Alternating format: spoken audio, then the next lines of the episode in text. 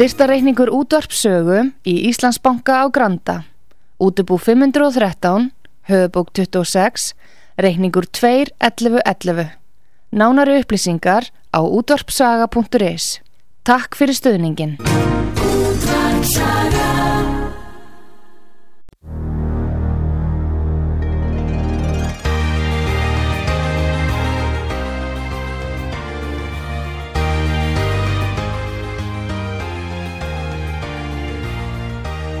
Heimsmálinn í umsjón Pétur Gunnlaugssonar. Fréttir og fréttatengt efni af Erlendum Vettvangi. Góðir uh, hlustendur, þér að hlusta á útvarpsögu. Ég heiti Pétur Gunnlaugsson og ég ætla að ræða við hann Gustaf Skúlason í Svíþjóð. Sæl og blessaða Gustaf. Já, marg blessaða Pétur og hlustendur út af sögu.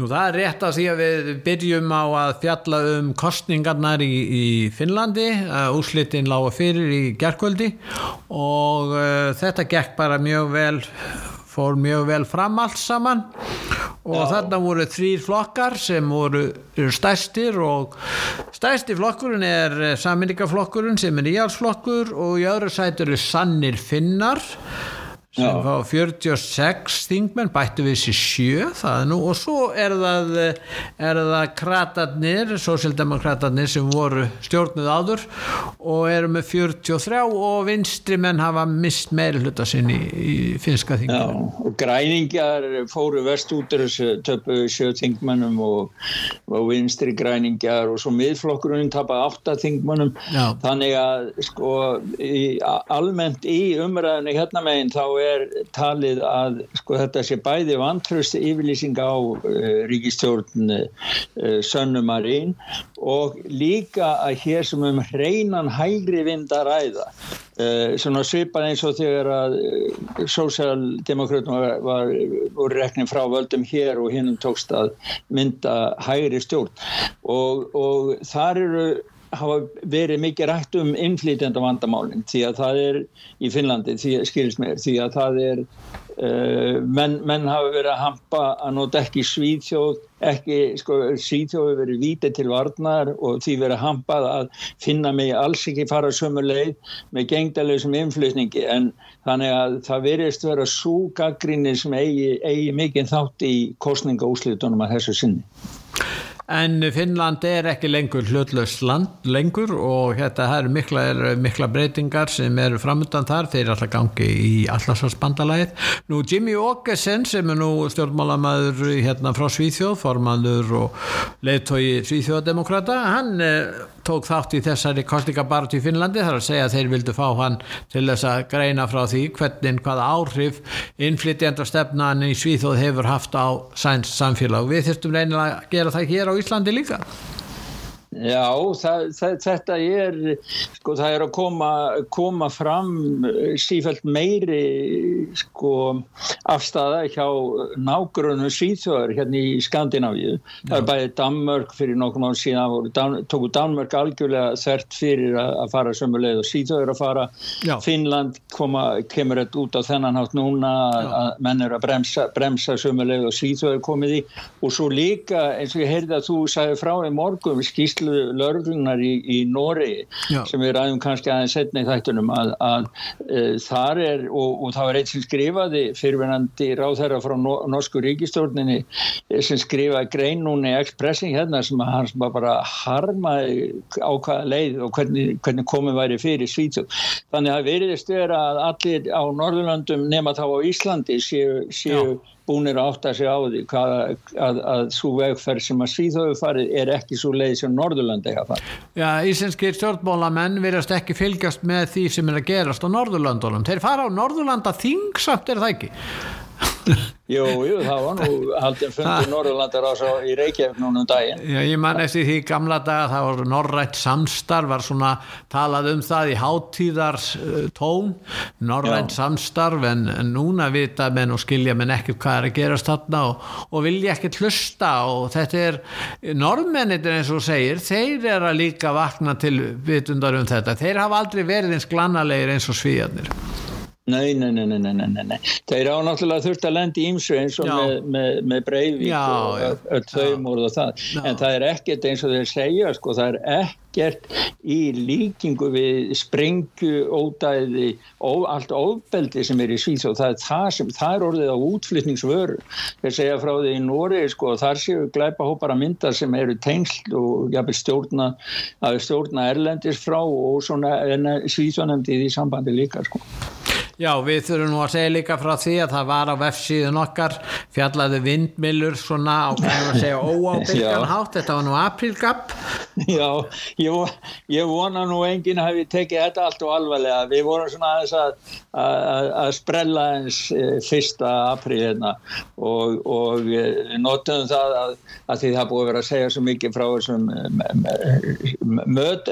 eh, skortýramat sem við höfum rætt og það er gaggrínt og það eru sett lög gegn því að þá var gapið sem við settum út á sögu þá var það að vindmjöluna varu notaði sem hakkavílar í fæðukæðinni því það dreft svo mikið að bæði skortinum uh, eh, fugglum og meðal hans var vittnið í skýslu hérna, það sem var sænska skýslu sem er sönn sem átt að vera svona drafplástur um ákætti vindmjöla og, og þar kom í ljós að það drefast fleiri leðurblökur í síðu vindmjölunum heldur en, heldur en fugglar Nei, nei, en fólk hefur kannski átt þessi á því þegar það var verið að tala um sko, sagt að, að þetta væri mikill hvað við segja, mikil búbót fyrir eh, fínu restaurantana í París, eh, Berlín og Brussel.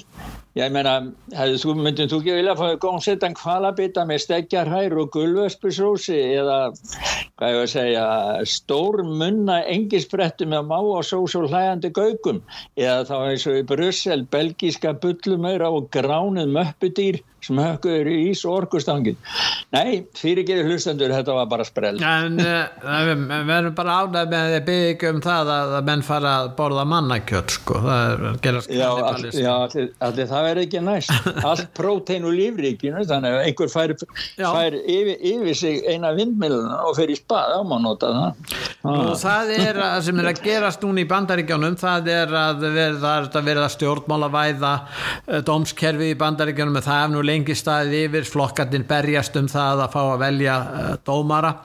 Og nú er einn dómari það, eða þetta er satt saksóknar í þessu tilfelli sem er kjörinn og, og fekk uh, peninga frá Sóros meðal annars til þess að geta komist í þessa stöðandi og Alvin Bregg heitir hann oh. og hann er já, augljóslega talsverst uh, mikill ofstækismadur því að hann hefur raun og veru svo merkilegt, hann eh, leifir alls konar glæpastarsimi að aukast í New York og, og eh, er mjög mm. linur í að taka á hérna því en eh, síðan er hann með þetta eigðir hann tíma og peningum í eldast við það að Donald Trump svaf hjá eða sagður hafa sofið hjá konu 2006 og borginni fyrir það þegjum það, veistu það hérna Gustaf sko, þetta, þetta er náttúrulega svo galið hugsaðir, eins og fyrsta lægi þá má bara Trump sofa hjá hverjum sem er. En, en er það ekki, ég meina það er bara hann, en, en auðvitað auðvitað vill hann borga og komi vekk fyrir það að þetta sé verið að dreifa þessu um, um Já, og, og Clinton eh, Bill Clinton borga 800.000 krónur 800.000 dólara til einhverjar það er aldrei talað um það, skilur það er margir aðeins sem hafa gert þetta. En, en, en málið er að, að ákæru aðriðin eru innsikluð, það var innsiklað það var hæstir eftir New York lokaði heilan dag og með að vera að koma saman ákæru aðriðunum á Trump og það hefur aldrei, mér skilst að það sé bara mjög mjög óeðlilegur gangum ála að sé verið að loka skrifstofu hæstar eftir að með að vera að sauma saman einhver ákæði. Síðan eh, kom CNN með það að þetta væri 34 atriði og þeir sögust hafað eftir einhverjum heimildum að 30 af þeim atriðum væri um viðskiptar svindla eitthvað svona. En við verum að býða sjá til á morgun. Donald Trump sendi frá sér yfirlýsingu núna í hjartkvöldi um það að hann mötti fljúa núna í dag, háti í bandarískum tíma frá Malay Largo í Florida til New York og hann ætlar að mæta og hann segir hvort svo sem þið trúið í eður ei þá mun ég mæta í réttaröldin á, á þriðudagin Já, það, hann, segja, það, það, það er, hann mætir hjá dómara og vantarlega sem að, að, að gefur út, hann afhendu að hann verður afhend þessi ákjæra síðan verður að tekja fingra fyrir af hannum og svona svo verður að myndaður vantarlega, það er svona að tekja mynd framann á og, og hliðarmynd svona. Og ja. þessi mynd verður þetta byrst í þessum kostingabaratu, skilur þau Já, þetta er sko það, sko, það, það, það eru margir ég séð í, í sko, sjónvastáttum eh, þekkt virta, eh, virta lögfræðingar sem segja að þetta sé ekki einu sinni case, sko, þetta sé ekki einu sinni að þetta fara með þetta, að hann verður falla á málstyrkinu. En, en, en sko málið er bara að það virðist, það virðist vera alveg samakort að þetta er mögulegt lög, lögfræðilega eða ekki, það virðist bara eigi að þyrla upp þetta sem líður í upplýsingastriðinu til þess að trubla og helst hindra að hann geti farið í frambóð í það þá og reyna allavega að koma í veg fyrir að hann geti orðið fórseti á nýju í bandaríkjum Þetta er ráefni fyrir fjölmjölana að taka myndir á hann þarna. helst vilja að fá hann í óransbúningin sko. Já, já, já. Svo, er en, að, en, svo er hægt að svindla. Það er hægt að fá gerfi greindar bíomyndir sem teknu upp myndir af honu þar sem hann er í fangelsi í óransbúningi. Núna já. halda sumir að hann sé kannski komin þangan Þetta verður ekki bara nýja nýja hérna teiknimynda serja framtæri Donald Trump sko, flóta frá réttið sinni. En, en sko svo er DeSantis hann gaf út yfirlýs, yfirlýsingu fylgistjóri Flórida hann sagði það bara fljóta eftir ákjörðan kom. Þá sagði hann það bara að þetta væri sko bara nortnaveiðar og, og það var verið að misnota sensat ríkisaldi FBI og, og eh, dónsmálar á og hann tæk ekki þátt í slíku þannig að hann myndi ekki framselja framselja hérna en, Donald Trump. En Trump ja. allar að mata svo það skiptir einhver máli þessi yfirlýsing hans og hvernig heldur þú að það verði? Lauruglan var nú sko það var búið lauruglan hún skipaði öllum í fyrirvíku þegar kæran koma þá áttu allir sem að voru á launaskraf hjá lauruglunum í New York að mæta í enginni spúning hvort svo sem það væri bara skrifstofunni eða hvað sem væri því að þeir byggust við olgu.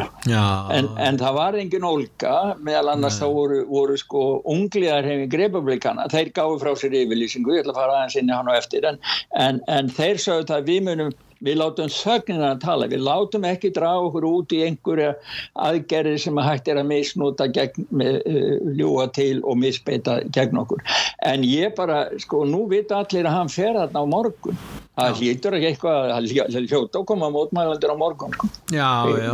ég, að ég mér sko. Já, já, en uh, hann hefur sko ekki mikinn stöðning hérna á þessu svæði Trump og hann hefur reist þarna byggingar og, og er þekktur auðvitað í New York borg þá, er, þá var, þú menn hann gleymist í stað, Donald Trump var svo kallaður frjálslindur demokrati hér í gamla daga þegar hann var eh, starfandi sem eh, sko verktaki og byggingaverktaki í New York. Og það, það vilja skleimast í umræðinum hann. Menna hann er bara skipt um skoðun og er ekki lengur sá hérna fylgir áfram þessari uh, hann var bara nokkuð rótækur frálslindu náingi hér í gamla dag þannig að hann hefur kannski já. lært hann hefur kannski lært að verða svona í umgengnu sinni við demokratavinni sína frá New York. Já, hver veit, hver veit en, en hins vegar þá er hann sko, hann er ekki partur af kerfinu þannig, hann, hann tala miklu meira bara eins og vennjulegt fólk og hefur nýtu líka stöðnings vennjulegra bandaríkjamanna. Og svo held ég sko eins og þeir segja hérna ungliðarnir sko, ég ætla að lesa það er segja það að Trump fórsetið takk bandarísku þjóðarinnar frá dýfstu sálarótun til fullra sjálfsvitundar eins og engin hana getur verið. Sál hans tengist fullkomlega kjarnagildum okkar og tilfinningum og hann er algjör og óumdeilanlegu baróttum áður okkar. Þetta nána samband ógnar reglu elitunar. Drifið hefur alltaf verið gegn fórsetunum okkar en kvartning hans og ásta bandarísku þjóðinni knúi hann til framúskanandi verka og svo framvegis. Og með því hefur hann opnað auðvus og margar fyrir umleikunum og svo gaggreinaði náttúrulega segja þetta séu bara skrýmsli sem séu, séu eftir honum.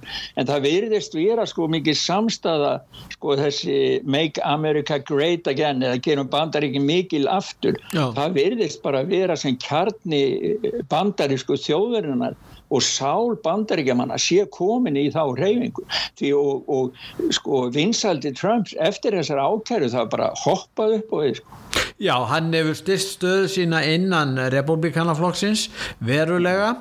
Og það sem að þá er spurningin hvernig á hérna hann hefur styrst stöðu sína almennt meðal kjósenda. Og það virðist vera þannig að fólk upplifi þetta sem pólitískar ofsóknir, nortnaveiðar sem Já. að grefur undan réttarkerfin í bandaríkun sem er ekki náðu gott því að þegar eru margir mjög tortrygnir í gard bandaríska réttarkerfisins Já, maður getur nú bara rétt ímynda sér sko ef, ef að það verður brestur á trösti þess og, og sko þá er trúnaðurinn er farin Já. fólk lítur ekki lengur á sko sameðileg verkværi ríkisvaldsins í sínum höndum og þetta náttúrulega, sko þetta hefur maður síðan hérna í Svíð og líkadaldið að, að sósjaldemokrata þeir hafa bara litið, þeir eru búin að vera svo lengi við völd hérna í Svíðjóð að þeir litu bara orðið á ríkistofnarnar sem bara sá ekki mun á flokknum og ríkistofnunum og beittu þeim, svipa eins og Joe Biden hefur gert í bandaríkjunum með, með FBI gegn pólitískum anstæðingum. Þannig að, að sko, þetta er stór hættulegt, stór hættulegt alveg, grefur undan öllu, öllu eðlilegum samskiptum og grefur undur líðveldi, samskiptum fólks, réttindum, allt sko. Hann hefur verið spurður að Joe Biden um afstuði sína gagvart eh, ákæruna og hendur fyrirverðandi fósita Trump. Og hann vil ekki svara því, hann svarar því ekki en hann eins vegar það var hann að fjöldamord um daginn það var ráðast inn í skóla og, og sex eða sjö drefni, sex þrjú börn þar á meðal kristlim eða krist, katholskskóli og mm. hérna einhver fyrirverandi nefandi þarna sem að uh, var ósáttur eða það er nú ekki vita hann, þessi ára sem að var skotin. Þannig við vitum ekki hver, hver ástæðan var en, en það tengdist einhverju í sambandi við óanægu með, með, með skóla þarna. En hann bregst við og hann er náttúrulega spurður um þetta. Og þá er hann að eh, ræða um, um hérna, borða sinn ís og, og hann, hann virðist vera mjög kæruleg skakvart þessu alvarlega máli sem verður þarna. Hvað segir þú? Það er alveg sko, já það bara það hefur verið bara mikið rætt um það á samfélagsmiðlum allavega hverslas eiginlega afstæða þetta er hjá honum. Hann kemur þetta blað, hann er þetta blað mann fundur um þessa skotárás. Já. Og, og e, e, hann byrja bara á því hann er bara eins og einhver skemmtikraftur og, og reytir að sér brandara og áðurna fyrir að ræða máli sko, þetta, maður getur bara rétt ímynda sér ef maður hefði verið fóreldur einhvers af þessara batna sem voru drepin eða eða, eða, eða, eða ættingi kennarana sem að voru drefnir aðna. Við erum með hljóput með honum bara svona aðeins til að gefa bara smá myndaði hvað hva maðurinn er kjössamlega úr sambandi. Já, ég ekki að hlusta á Joe. Hlusta á Joe. My name is Joe Biden. I'm Dr. Joe Biden's husband. And I ate Jenny's ice cream, chocolate chip. I came down because I heard there was chocolate chip ice cream. By the way, I have a whole refrigerator full upstairs. you think I'm kidding? I'm not. God. Welcome to the White House. And who are those good looking kids back there? Þetta, sko ég minna hann tala bara eins og hann sé skemmtikraftur Já, hann er uppi, uppistandari hann, já, uppistandari Já, uppistandari í kvítahús Þetta er ótrúlegt maður. Þetta, ég menna, sko það er eins og hann skinni ekki eins en það hefur spilað líka inn í þetta það var, þessi morðingi var transgender. Og, og það voru tölur umræður um það. Og meðan hann sé mikið gaggrind hérna í Svíþjóð, ég var nú eftir að skrifa grein um það að sænska kirkjan hérna, hún skömmu eftir morðið og þetta var að því að komi ljósa að þetta morðingi var transgender að þá byrjar hún að senda frá sér sko verndar bóðskap fyrir transgender fólk þannig eins og sko og, og ég skilst að einhverju fjölmjölu hafa plokkað að burtu að segja frá því að það veri transkipti ég menna það skiptir einhver máli morðingi er morðingi Já. og svo, svo eru morðingar mjög sengi það er bæði hvíti morðingar, svarti morðingar transkipti, vennulegt fólk, allt mögulegt skilur. en morðingi er morðingi skilur. En þetta er hatursklæpur, virðist vera.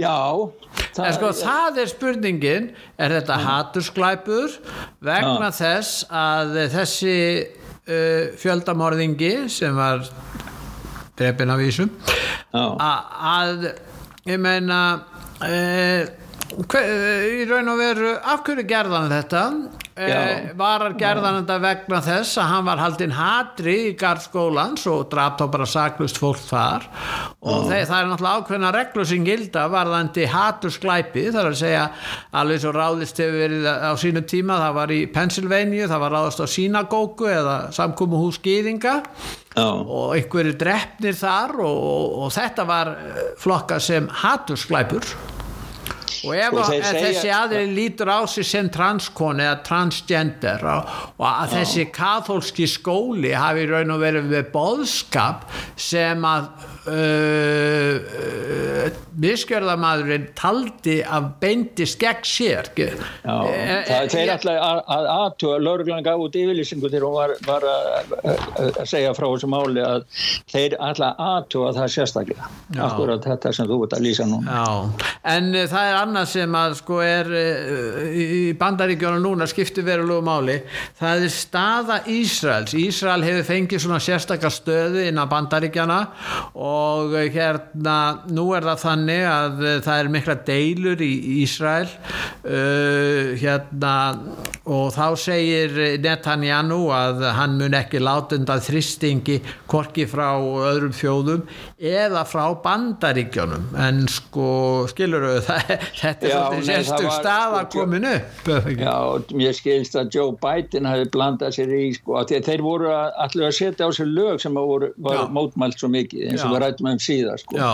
Og, ímsir ein, eh, já, fórseti landsins á að áhyggjur á því að það gæti leitt til bara inn, innanlands átaka og styrjaldar og, og því það var svo, svo, mikil harka í málunum en uh, mér skilst að bæti nei hérna hann Netanyahu, hann hafi dreigið tiljóna tilbaka en hann var svolítið á milli steins og sleggið því að uh, þeir sem voru hægra meðan við hann vildu koma sér gegn en hinn vildu alveg stoppa þetta.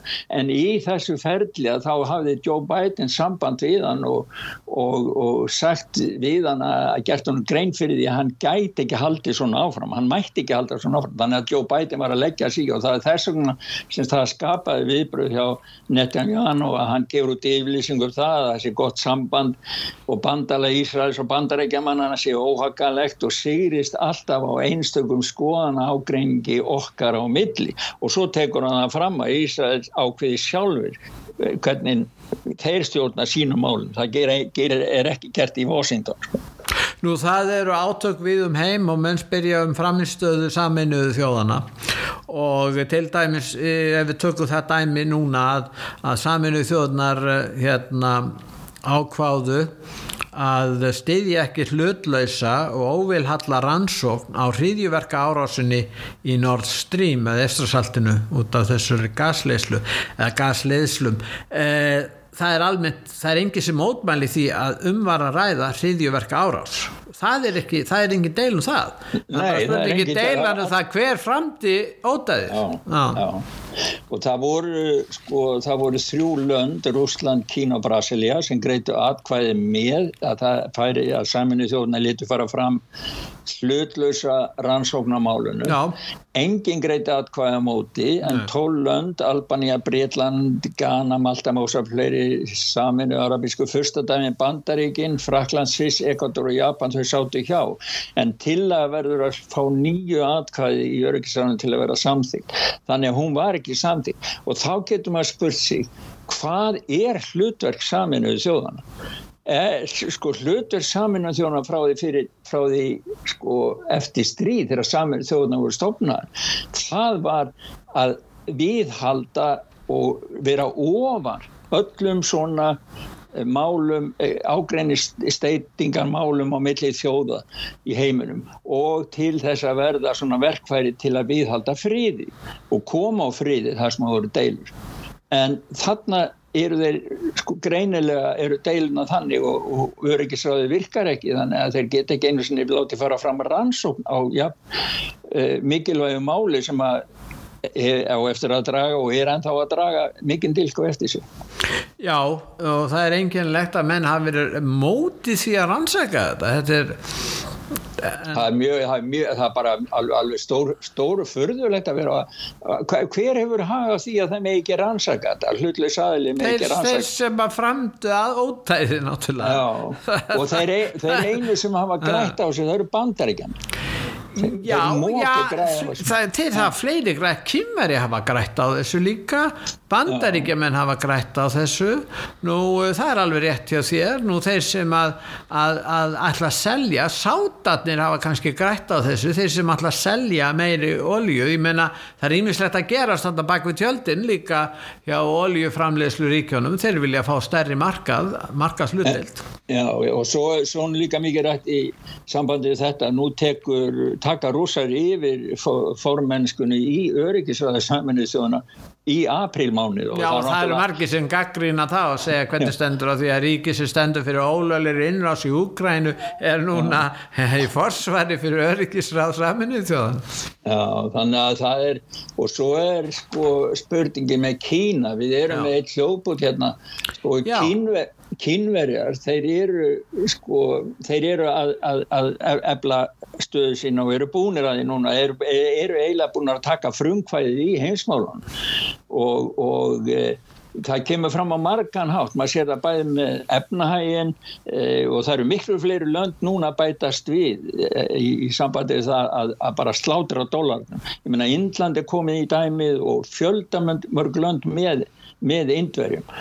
En e, þeir voru sko saminuð þjóðnar þeir voru núna að ræða og það var alltaf skemmtilegt fannst mér það var kímersku bladamæður hann var svolítið, spurðið svolítið svona frakt e, eitt búrakratan hann að það sem eru voru að ræða um að það voru hvort að bandaríkjumenn væri ólöglega með hermenn í Sýrlandi og viðkomandi búrakratið þarna, ég er nú með nafna að senda einhver stað, hann, hann eh, Faran Hak heitir hann, talsmáður samrið þjóna hann neytaði því að það séu nokkri bandarískir herrmenn í Sýrilandi mm. eigum ekki að hlusta bútina hans, hann neyti Edvard Exu, þessi kýmurski þessi kýmurski, já, já, hlustum hann. Ah. There's no U.S. armed forces mm-hmm. inside mm-hmm. of Syria. So, uh, so I don't have a. It's not uh, a, you, parallel situation. You're, you're sure there's no there's no U.S. U.S. military personnel. I, I believe there's military activity. Yeah, uh, but uh, but uh, uh, but in terms of ground presence in Syria, I'm not aware of that. Okay, five U.S. service members were injured in that attack. If there's no, there were no U.S. soldier service members in Syria, how could they got injured? That's weird, right?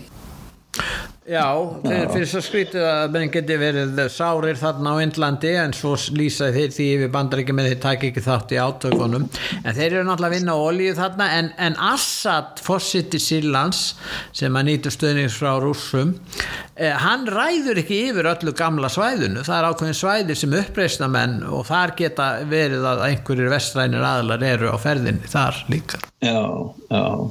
Og svo er alltaf, eru þessi svæði líka þeir voru nú reyna að útrýma þarna ísi sko að, það, þannig að það er þetta er óðala sko í fangabúðum annað og það er óðala eitthvað En sko grundvallaratrið með saminuð þjóðnar eru saminuð þjóðnar færar um að gegna því hlutverki að koma á frið. Það er allstaðar átök í heiminum, sérstaklega í Afríku hefur það verið mjög mikil ásum. Við heyrum lítið um, Gustaf, við heyrum Já. lítið um það og, og það er bara verið að vera takkmarkaðar áhuga á því.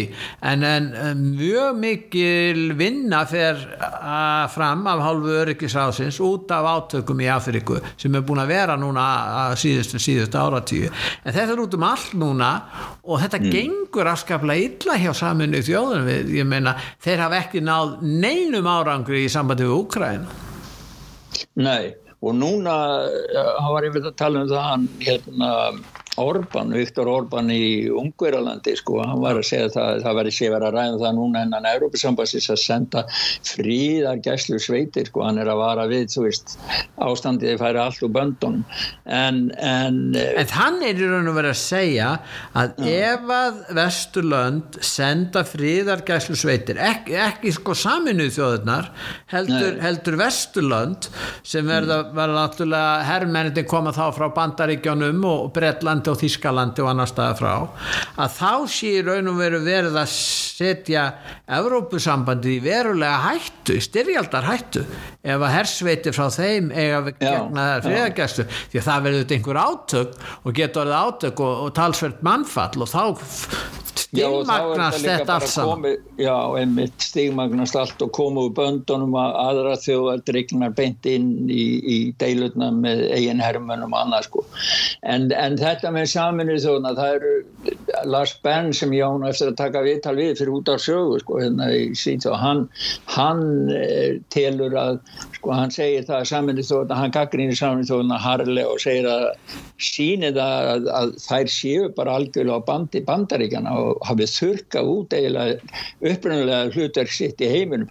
Og hans orð eru þessi við þurfum ekki saman í þjóðuna leng, lengur. Þetta er hluti, það er orðna hluti af vestrænu kerfi sem er nota til að kúa heim, heimsbyðina og hún finnst það að vera mjög, mjög sorglegt sko. svo vorum við með annan hérna hljóput hérna frá náunga í bandaríkanum ég, ég var svona alltaf að taka með. Hann heiti Rick Wills er kristilegum True News þar að segja fréttum sannleikans. Og hann er sko ekkit á því að skama á því hvað finnst um, uh, bæði saminu þjóðar og bara elituna á Vesturlöndum. Já, stjórnendur Vesturlanda, hann ræðst að þeim. Já. Hefur að heyra hann? Já, nú skulum heyra í honum I, I've never seen so many political idiots and insane people in political power in my lifetime. It is astounding to watch. They're legalizing bestiality. Yes. They're starting World War III. They're dangerous to society. They ought to be institutionalized. They ought to be put in mental homes and let them have their parliaments inside a mental institution. they can vote on everything they yeah, want to. There. They could let, give them give them pretend Tories like they're running like they're running Twitter and things. Just make them believe that they're running things. They could deplatform everybody. Just sit inside the mental institution. Já, hann vil setja hérna stjórnmálamennina á gæðveikara hæli þannig að þeir geti leikið sér svona, svona eins, og, eins og með leika sér með tindáta og kannski tölvum um að þeir hafi einhver völd og geti svona tekið búið til alls konar svona atbyrðarási sem að, sem að í staðan fyrir það að hann var að tala um býsti á hann að segja að í raun og veru væru, væru vest stjórnmálamenn að samþykja dýranýð og, og stefna þriðju heimstyrjöldinu Já, þetta er, já, maður getur látið sér dreyma að, að, að stjórnmálamenninni sem eru svona vittlausir að, að koma okkur í þessa stöðu að setja það á, á, á, á geðvikra hæli já. og leifa með þar að þykast vera fórsetisráð þeirra, fórsetar og, og, og stjórna, stjórna sínum þingum þar, þar í, í, í, bara í í, á geðveikra heilun en, en við, við höfum söguleg dæmið þess að fyrir heimstyrjöldinni að sko lítið tilefni verður að báli vel miklu báli sem enda bara í heimstyrjöld ég menna, menn deila enþá um það af hverju bröst eh, fyrir heimstyrjöldin út sennilega. ég menna það sem er að gerast núna í Ukrænu það, ég menna það getur bara verið eitthvað sem að kveikir elda þar og kemur að stað atbyrðast og þá verður ekki aftur snúið Já og þegar að búið er að fylla svona mikið bæði loft, láð og lög með, með græjum, sko, vopnum, það eru, það ég minna, það eru kjarnorku kábótar á siglingu, það eru kjarnorku fluglar á siglingu, það eru að flytja vopn og senda skriðri, það eru að fylla allt af vopnum, þá, það, sko, þá eru allir orðnið svo á, á, á nálunum að það þarf ekki nema bara eitt skot einhvers staðar sem er vittlösa, þannig að fara allt, allt úrskiðis og núna því nefnir Úkræn en það var nú rúsneski fánu að dreina hún yfir bakmút í, í gærkvöldi Já, og, þeir segjast vera búin að ná borgin á sitt, va- borgin á sitt valda en það er spurning sko það hefur nú ekki verið staðfest en Nei, það er alltaf það við eru erum með kaplum það. að það eru mjög margir að deyja daglega í þessari borg Bakmút og búin að og, og, Fi- 500 manns koma á, á dag frá Úkrænum skilur já, og margir frá Rúslandi sjálfsagt ekkert færri sko. Líka já. Þannig Já, að þetta það er gífurlegt sko blóðbað lí- lí- lífslíkurnar fyrir Hermann sem kemur á stað voru taldi fjóri tímar. Já, og svo eru menni eins og Orban Gaggrindur, hann er að tala um það að þetta sé hægt að því að, að verða önnur heimstyrjöld og svo er það þessi hlutlausu ríki eins og Östuríki, Malta, eh, Sviss og Írland, þetta eru síðustu hlutlausu ríkin, Finnland og Svíþjóð er ekki eh, lengur hlutlaus ríki, myndur ekki segja það? Erum við ekki sammála um það að þessi tvö Norðurlandaríki er ekki lengur hlutlaus? Já, Finnland, Finnland verður gerður formlega að meðlemi NATO á morgun á Já. hátíðafundi Og ek- nýri Brussel e, búin, búin ekki lengur hlutlaust land en, Nei, en hvað með Svíþjóð?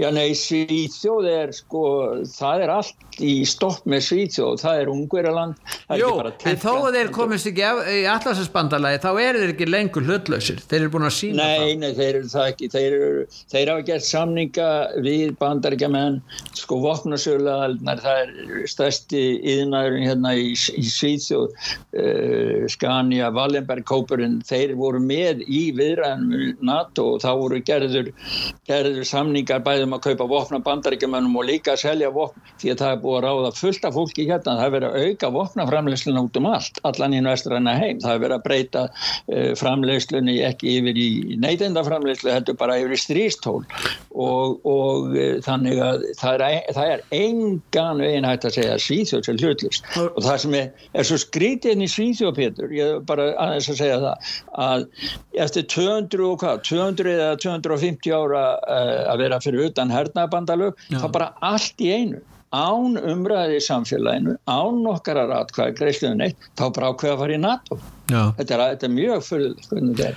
og Erdogan í Tyrklandi hann segir að Vesturland er að reyna að draga okkur í stríð við Rússland segir hann, hann vill fríðaviðræður eða fríðasamning í átökum Rússa og Úkrænu og en það eru kostingar í Tyrklandi núna 14. mæ og þær geta skipt máli um, um, um, um hvað Tyrkir vilja í framtíðinu Já, það var nú, uh, rússar voru byrta, byrta á heimasíðu út af sögu tíu punktar sem að rússa setja sem kröfu núna fyrir... það er, það er óa, óalgeigilegt eins og þetta er Já, það er, þeir hafa sko aukið kröfun. Já, Þetta er ekki sömu alltaf eins og þær voru í fyrra. Sko, Ég las þessar kröfur og þeir eru, þær eru náttúrulega óalgeng, það er Úkræna eða Vesturland búin aldrei ganga, það er ekki ein eina, eitt skilir þarna sem er, sko, eh, sem hefur ekki verið, eh, sko, hert á, þeir eru búin að herða á öllum skilirum, rússanir. Já, þeirra, já, það er náttúrulega að stoppa he- he- her í Ukrænu og stöða á vopnasendinga frá Vesturlund. Þetta er svo mikið beint gegn Vesturlundum, sko. Já. Svo banna við það Ukræna gangi með NATO eða ESB, það er nýkrafa. Og staðfesting á stöðu Ukræna og kjartarkofna mm. og nýja landtelgi, ég vilja bara verið viðkent það sem að þeir hafa tekið, sko, áður í östu hlutunum og, og, vernd, og svona í, í með sönnum ál. En, eh, já... En við ætlum núna, Gustaf, að taka stutt ölsingarhlið og svo eftir ölsingarhlið þá förum við að tala um græna, hérna, grænu byltinguna svo kolluð og pólitíska réttrúnaðin sem, og, og efnahægin, hvernig það hefur áhrif á menning okkar og efnahag. Við skulum hlýða núna nokkrar ölsingar. Já.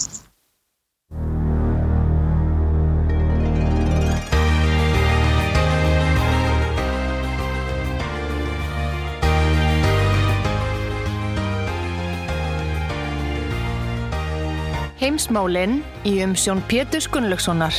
Fréttir og fréttatengt efni af Erlendum Vettvangi. Góðir hlustendur, er að hlusta á útvarpsög, ég heiti Pétur Gunnlaugsson og ég er að ræða með hann Gustaf Skúlason í Svíð og Gustaf, nú eru kínverjar og Brasilíu menn búin að gera samkómulag um það, Lula fyrir hönd Brasilíu sem hverinn uh, fossiti nýlega, hann, eh, þeir er alltaf hægt að nota dólar í viðskiptum á milli landana. Þetta eru merkileg tíðindi og, og kannski uppafið að því að, að eh, þessi áætlun Bryggs þjóðana verði kannski sint í frangamt. Já, alveg öruglega og það er, það er, þetta er bara fyrstu táknin um það að dollarin er á leiðin út og er, þau eru búin að ákveða það og það ég var að lesa nýja frétt núna að, að Indland og fleiri löndi með Indlandi er alltaf að, að hætta að nota dollarin líka. Er það? Þannig að heldur að þeir gerir það? Já, já, þeir eru búin að ákveða það. Það er bara ekki komið í framkvæmda en það þannig að þeir, sko, það er hreyfingin er það á bara að ganga frá dólan það er ekki gott fyrir okkur á Vesturlöndum eða það Já, yeah, já, nei, þeir, þeir koma á á Vesturlundum í staðin, þá koma þeir bara á stafrænum gjaldmiðli segla bankana, sko, þetta verður, ef að, að dollanir hrínur, fjármálakerfi Vesturlunda hrínur, þá, þá rekna ég með að þeir, þeir eru með svoleiðis plön, uh, alþjóða gjaldir svaru. Já, ég er að segja það, sko, hvaða áhrif hefði það bara á okkur hér í Evrópu og Íslandi og annar staðar ef að, að dollar dólarinn eh, hættir að vera eh, með þessa með hana styrk. Við til dæmis eigum okkar viðskipti í dólarum og alþjóðlegu viðskiptum eh, hvort sem það er olíukaup eða sala og einsum útfluttingsvörum okkar. Þetta er, er spurning sko. En sko náttúrulega Brasili er náttúrulega vestrænt ríki þannig að þetta eru talsverð hérna tímamót, þetta eru tímamót í, í sögu Brasilíu að þeir skulu taka upp uh, þennan samning, gera þennan samning við Kína. En það er sjálfsagt þáttur í þessu er það að Lula náði þarna völdum. Og þannig að þetta er farið af áhrif og það er mörgir aðri, aðra, aðra ríkistjórnir í Suður og Miða Ameríku sem er að taka upp nánara samstarf ymitt við eh, kýmverska eh, alþýðlíðveldi eða kýmverska kommunistaflokkinu eftir að segja. Hmm. Já, einmitt sko, akkurat. Og svo er það líka, eru mikil viðskipt á milli þessar landa Brasilíu og Kína, sko, Já. Kína eh, er stærsta viðskiptaland Brasilíu og meirinn 15 öllum innflutningi til Brasilíu kemur sem sett frá Kína og Já. þar á eftir koma Bandaríkin mm. og er, Kína er einnig stærstu útflutningsmarkaði Brasilíu mm. stendur fyrir meirinn þriðingi allra útflutningsvara frá Brasilíu þannig að sko það, það er kannski ekki óæðilegt fyrir þá að þeir er enn að finna leiðir en, þegar, en þetta eru náttúrulega hluti af heimsviðskiptunum og þá er tekin spótn úr aski bandaríkjamanna. Hvert svona og þeir sem er fleiri sem koma inn, inn, inn á þessa lesta þá er dólarinn í stóri hættur sko. en svo, svo erum við með hérna þá nú eitt hérna góð grein eftir hann Andrija Servenga en í grein hérna sem er á heimasíðu Já, hann er altså sérfræðingur í peningamálustefnu ekki rétt Já, og bankum og bankamálum og efnahagsmálum. Hann Já. er eitt besti fjármála og efnahagsgrýpend sem til í Svíð og ég hugsa þótt við að veri leika. Og hann sagði að hann er, hann er að ráleika hanskótanum að setja sér á atvinnuleysiskráð því að ef það er að marka það sem að sjóstjórin Kyle Bass skrifaði hérna um daginn sem að skrifaði kapitalismi án gjaldþróta það er eins og kristni án helvítis að þá er náttúrulega komin tímið fyrir Lúsifer að setja sér aðunleysiskraf því að það má engi, engi banki fara á hausin lengur.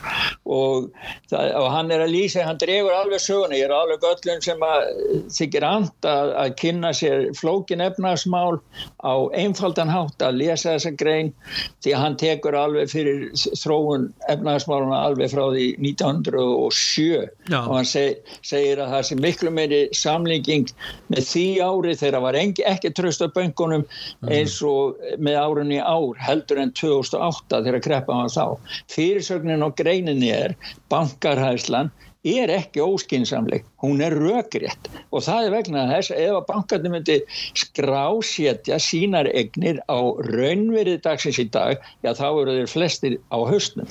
Já, þú meina það. það. Já, Já þeir hafa verið að kaupa sko, þeir eru líka með skuldabref sem eru með lágum sko vöxtum eftir þessar vakstahækkanir sem hafa gengið yfir Vesturlönd á síðustu misserum sem þýðir það að þeir, þess vegna fóru þessi banki í Kaliforníu illa út úr þessu, þeir lágu með svo mikið af skuldabrifum og Já. sem að þeir eru búin að kaupa og sem eru með láguvöxtum og þá geta þeir ekki borga þennan vaksta mun því þeir eru að taka þá lán sjálfur bankarnir á miklu herri vöxtum en brefin sem þeir eiga.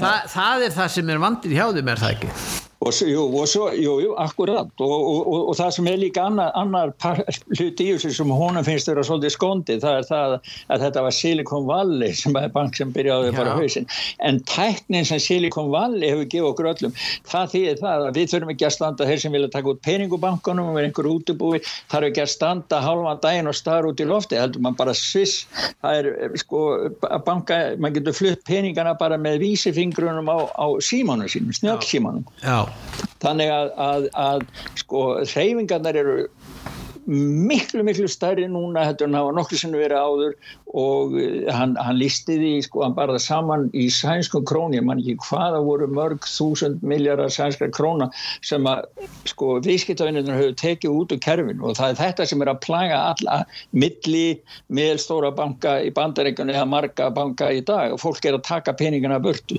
En hann segir það er mjög skinsanlegt að gera því að, því að maður getur flutt peninga frá læri vöxtum yfir hægri vexti og fólk vil ju bjarga sínu eigin fyrir. Já, já. En uh, nú og síðan er það náttúrulega við erum þarna með greinu það að, að nýjir bensínbílar verða bannaðir í Európusambandinu 2035, þetta er eins og Íslandi. Þetta er, sama, þetta er uh, það sem búið er að ákveða hér á Íslandi. Það verði engin bensínbílar eftir 2035 maður Ma, líkur nú við að maður bara vilji mála upp þá mynda að, þeir sem taka svona ákvarðin getur setið með bara einhverja litla ramaspíla inn og einhverju hæli einhver starf og leikið sér það er engin sjens í, heim, í öllum heiminum að það verður bannaða bílar þeir verður þá fasa út gamlu bílana.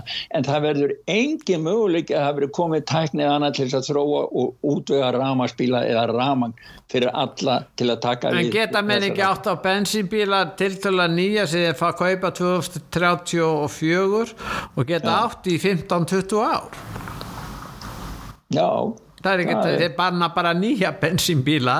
Já, en ég, ég held að en, en alltaf er að banna, banna hinn að gömlu, ég veit ekki hvernig það er. snýst þá ekki dæmi við að bara fara svo marga bensinsölur á hausin að það verður jafn erfitt að kaupa bensin þá eins og þeir að kaupa ramagn á ramaspílun í dag. Gæti verið, gæti verið. En svo er þetta stóra málvarandi mataræði nú eiga menn, já, það er þetta skordýra átt globalistana og, og þá að nota hérna skordýra sýramjöl á pítsur og pasta eins og kemur fram á Ítalíu banna og, og það er hún Meloni þarna nýji fósittisráð þeirra Ítalíu hún segir að þetta sé já. bara brota og það hún vil venda matvælamarkaðin á Ítalíu sem er náttúrulega svo mikilvægur því að þetta Ítalíu byggir nú uh, meðal annars uh, efnahagsinn á að uh, túrisma og á veitingageiranum sem er náttúrulega þeir get ekki grít alveru spaghetti spagetti hver á annan nema ítals sko. er,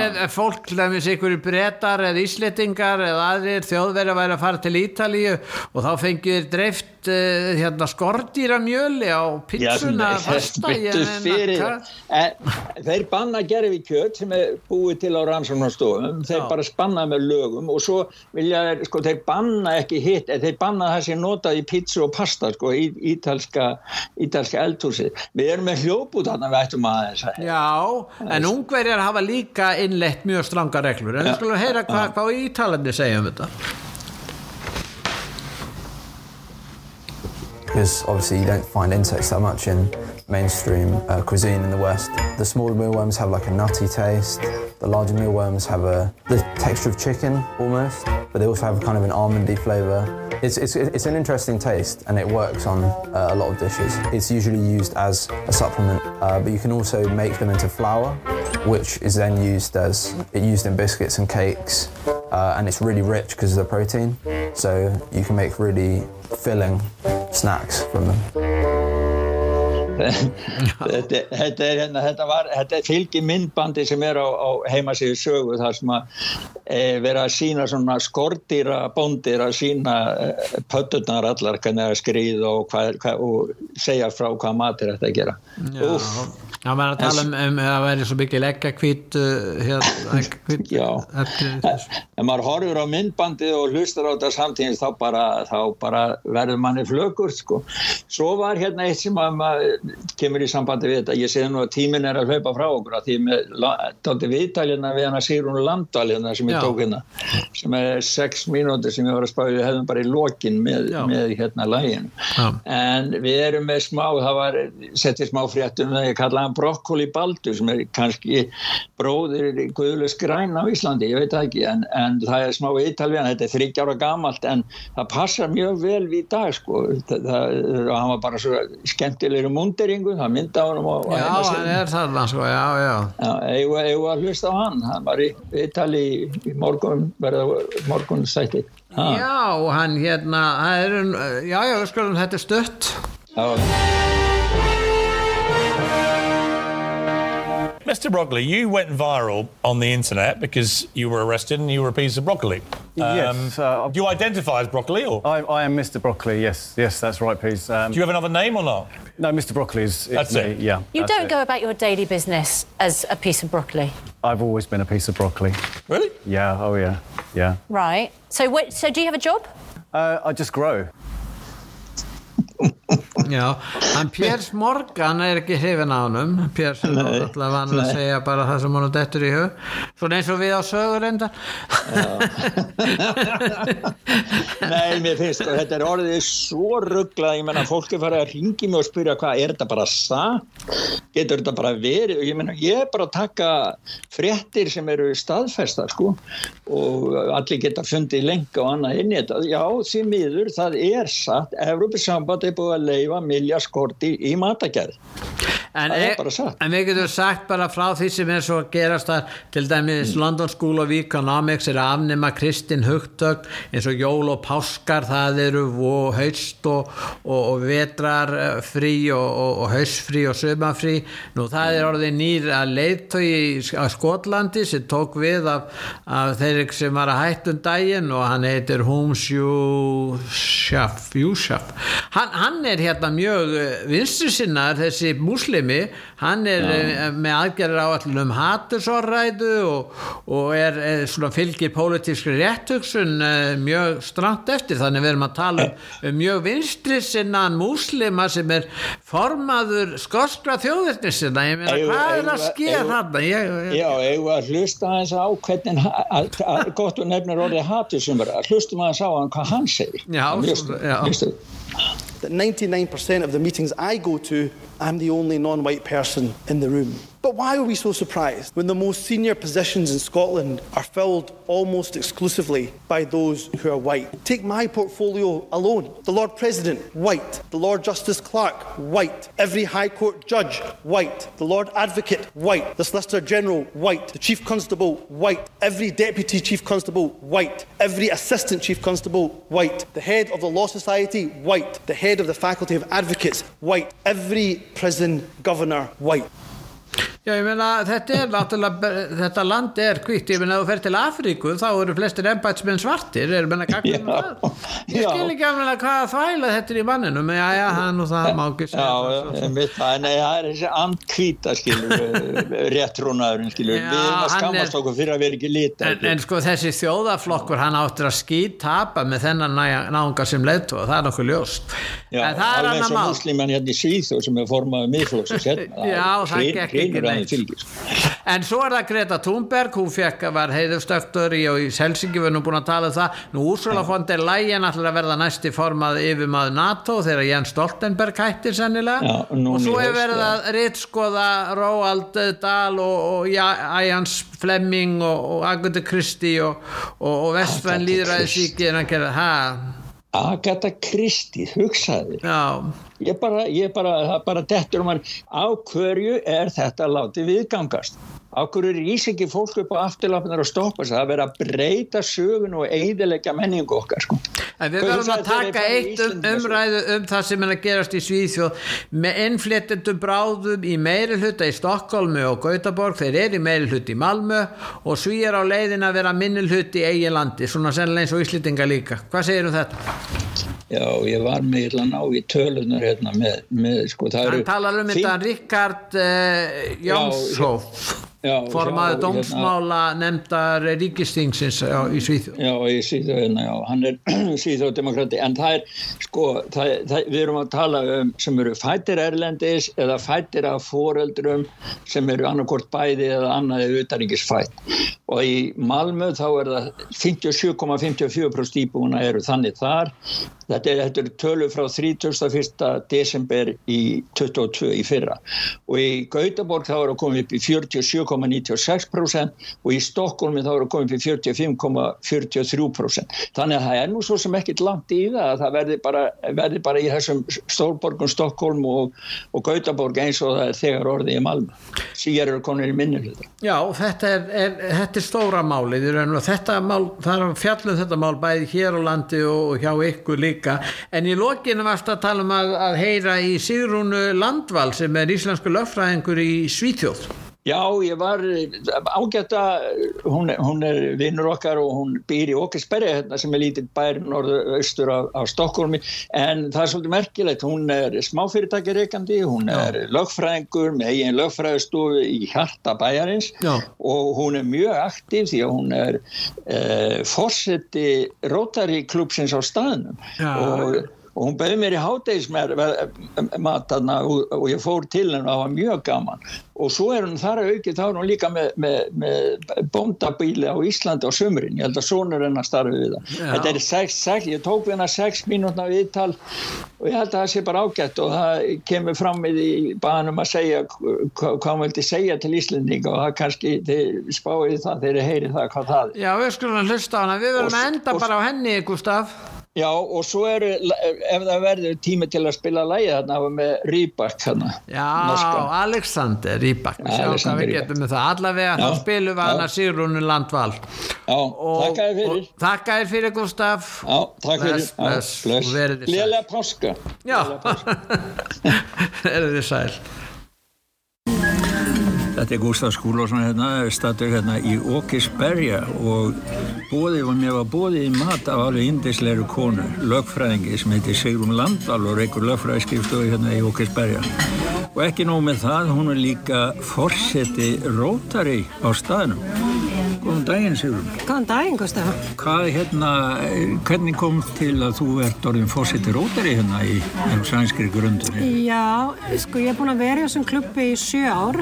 Ég var búið í hann fyrir sjö ára síðan, 2015 hendi. Búin að vera félagi þar og mér finnst það mjög skemmtilegt. Þetta er svona, uh, hvað heitir það, frukastklubb, morgun, Já, já. morgunverðarklubbur. Hittumst hverju meinasta fyrstu klukkan, hvort eru við sjö. Minglum og bara góða frákast og svo er alltaf eitthvað, eitthvað fyrirlestur. Hverju meinasta fyrstu í? Hálftíma. Og svo fer maður að vinna og er gladur og, og ánæður restan af daginn. Og svo hef ég svona svo, en þetta rótari hérna gengur út af það að það rullar. Það er aldrei sami formaður eða president heldur er það rullar eitt ár í einu þannig að þá verður einhver að taka yfir klubb, klubban uh, eftir eitt ár þannig að það Fundarhamar. fundarhamarinn, já, ummitt fundarhamarinn Já, hérna í Svíða og klúpuðu allir í gegn sko. Einmitt. já. Já, fundar að mig. En þannig að ég var svona búin að vera að býða mig um að getur þú gjörði fórsett og ég svona, nei, þessu, þú veist, Ah, var eitthvað svona feimið við það. En svo ekki minna, ok, nú bara gera ég þetta þegar það stóð vel á. Þannig ég tók af mér þetta hlutverk í fyrra og kjöru fórseti, maður kjöru fórseti á, einu ári áður en það gengur í gildi, sem sagt. Já, Þannig að ég hef gett haft alveg eitt ár til að undirbúa mig. Og síðan var ég fórstu síðast síðast ári í júni og er fram núna í ár í júni þannig að ég er búin að vera fórstu núna svolítið lengi. Þannig að þú uh, hættir þá í sumar. Já, sem fórseti, en svo verður maður eftir það er maður past president sem sagt, Já. hvað heit, já, past Já, president fyr- þannig að þú hefur alveg áhrif svolítið áfram. Þannig að hjálpar næsta, næsta fórseta eh, en þá getur maður svona svolítið stýrt hvað maður vil eh, ákveða og gera í klubnum þetta ár sem að er fórseti sem er mjög gaman sko. fyrir fyrsta þá stjórnar maður öllum fundum og svo les sem er bara mjög skemmt þetta er mjög, hérna, hvað heitir þetta persónlega mjög þroskandi í rauninni Já, og síðan getur maður lagt- áherslu eitthvað. Ég ákvaða að drífa uh, mína félag í klubnum okkar til Íslands. já. Já, já. Og hvenær gerir þið það? Þannig að við förum til Íslands 22. apríl. Hvað? Það er bara næsta mánuði? Það er bara næsta mánuði og förum vestur, hittum annan Rotary klubb þar sem er í Borganesi um, samlega fund. Við ætlum að jafnvel að reyna að finna eitthvað samilegt verkefni. Já, en gaman. Já, þannig að þetta er mjög skemmtileg sko hérna já, virkilega En hvað, þú, veist að, þú myndist aðeins á eitthvað verkefni í Afríku. Hvað Já. myndir þú vilja segja bara örstu? Já, algjörlega. Sko, já, gamla vinn sem rekur barnaheimili, eða hvað heitir, heitir það barnaheimili? Nei, þetta er ekki dagis. Skóla. S- Skóla, hann, hann rekur munaraska heimili, eiginlega heitir það, sem heitir Björn Sín, er gammal vinnu minn og hann eh, keipti hann fastegn og er að hjálpa munarlösum börnum. Og hvað í, hvað, í Kenya? Þetta er í Kenya. Já. Eh, Þannig að okkur, ég ætla að reyna að eh, s- sækja um peninga frá Rotary International í þetta verkefni. Af því Rotary hefur sjö svona fókus um omráði, hvað heitir það? Fókus- svæði, já. Og börn og maðurahelsa er eitt af því. Þannig að, að hérna, þetta eru kjöruverkefni fyrir Rotary International. Þannig að ég ætla að reyna að koma því í gegn. Þannig að ég, þetta er bara mjög skemmtilegt að heyra og hérna segir mér svo annað, þú ert með snotra lögfræði skrifstofu litla hérna í hjarta Ókisberja hérna. Alveg rétt. Já, og hvað hérna, ertu með marga viðskiptavinni hér eða hvernig? Já, ég er með marga viðskiptavinni hér, lokalt sem sagt. Já. Ég er með marga viðskiptavinni sem eru Íslendingar Já, og al, bara eh, alþjóðlega viðskiptavinni. þetta er bara mjög gott og Já. hvað hérna, nú erum við á útarpi sögu, viltu segja eitthvað til í landsmannu okkar? Landsmannana. Já, Guð, ég, ég hérna get bara sagt að mér finnst allt, allt, allt og mikið af, af já, túristum þegar maður kemur til Íslands. Maður hittir ekki nokkur einasta, einasta Íslandi. Íslendingarnir bara flý- horfnir. Ég flý alltaf austur, það er hitti Íslandinga. En ég, ég finn það þegar ég hitti þessi túristar sem eru að, að ferðast um landi, ég er mjög mikið fyrir austan sem sagt að ég á sveitabæð þar, þeir, þeir þrá svo að hitta Íslandinga en þeir hitta yngar. þannig að, þannig að þeir sem að fara til Íslands til að hitta Íslendinga þeir, þeir bara það, þeir koma á tómum kofanum sem sagt. Já, mér heyrist. já, hérna, já, nei, þetta er norðið, þú ert nú ekki svo einu sem að ræði þessu nótunum, maður heyri þetta frá öðrum. Já, Svo ég var að segja á hann Sigvartur Björgunsson, hann var að skrifa brefið mitt eða sem hann var að lýsa því að hann, valla, hann, hann gæti komist af á Íslandi með þeirri, þeirri ennsku kunnóttu, fáttaklega ennsku kunnóttu sem hann hefur. Já, einmitt. Það Ég- er orðið sorglegt. Já, ég held sko að þetta væri kannski bara svona í Reykjavík og sumrin en þetta er vist svona árið, allt árið sko. En Nei, við verðum, nú, við verðum nú að halda tengslinn við, þessa, við þessa fáu Íslendinga sem, er, sem, er, sem eru í felum og ekki eru í felum svo að þeir hverfi ekki alveg. Já, það er alveg rétt. Við verðum að gera það. Nei, nei, ég elska Ísland og hérna, ég elska sérstaklega hérna landsbyðina, þú veist, og hérna fjöllin. Herðu, ég bara þakka þér kærlega fyrir þetta stutta viðtal og bara gangi ykkur vel, bæði hjá Rótari og, og góða ferð til Íslands. Takk, takk kærlega.